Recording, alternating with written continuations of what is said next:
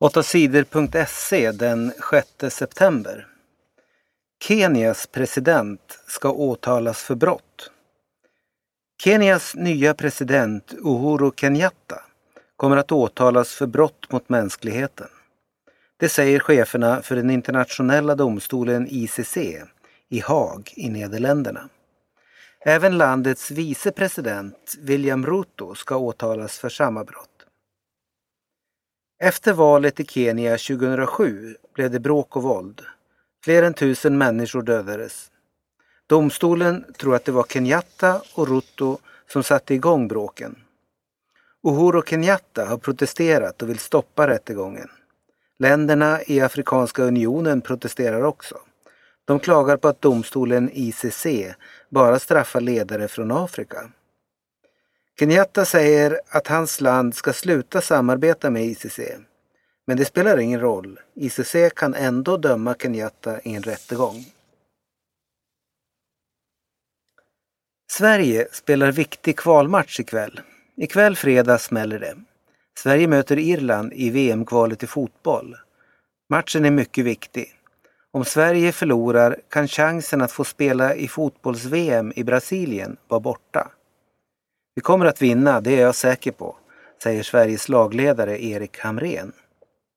Men Sverige har haft problem inför matchen.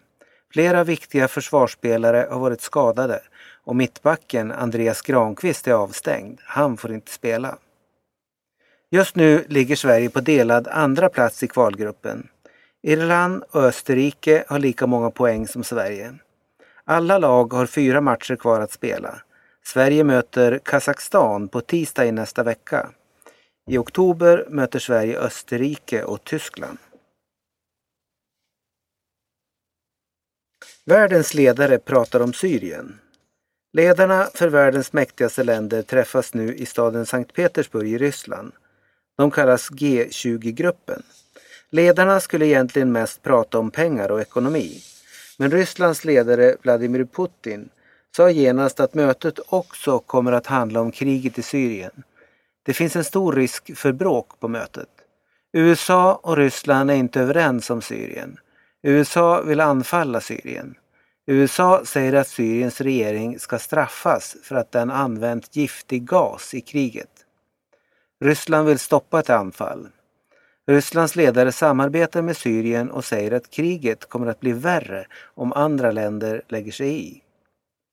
USAs president Barack Obama vill ha hjälp av andra länder att göra anfallet. Det är därför han har väntat. Det var för två veckor sedan hundratals människor dödades utanför Syriens huvudstad. Troligen dödades de med giftig gas. FNs experter håller på att undersöka vad det var för gas och vem som släppte ut den. Lotta Schelin är näst bäst i Europa. Lotta Schelin är Sveriges bästa fotbollsspelare, men hon är inte bäst i Europa. Det tycker i alla fall de experter som delar ut priset Årets bästa kvinnliga spelare. Tysklands målvakt Nadine Angerer vann första priset. Lotta Schelin kom på andra plats. Två svenska spelare till finns med på listan över de tio bästa. Caroline Seger kom på sjätte plats, Nilla Fischer kom på sjunde plats. Sverige förlorade igen i basket-EM. Det går dåligt för Sverige i basket-EM. Sverige förlorade även sin andra match. Finland vann med 81-60 på torsdagen. Sverige började matchen bra och spelade jämnt med Finland i den första perioden. I den andra perioden rasade Sveriges spel ihop. Laget gjorde bara 4 poäng. Finland gjorde 27 poäng. Det här känns inte bra. Det är trist att förlora på det här sättet, säger Sveriges center Joakim Kjellbom. På söndag möter Sverige Ryssland. Det blir en ännu svårare match. Barnen i Mariefred slipper gå om femte klass. Gripsholmsskolan i Mariefred hade glömt att söka tillstånd för att ha skola för sjätteklassare.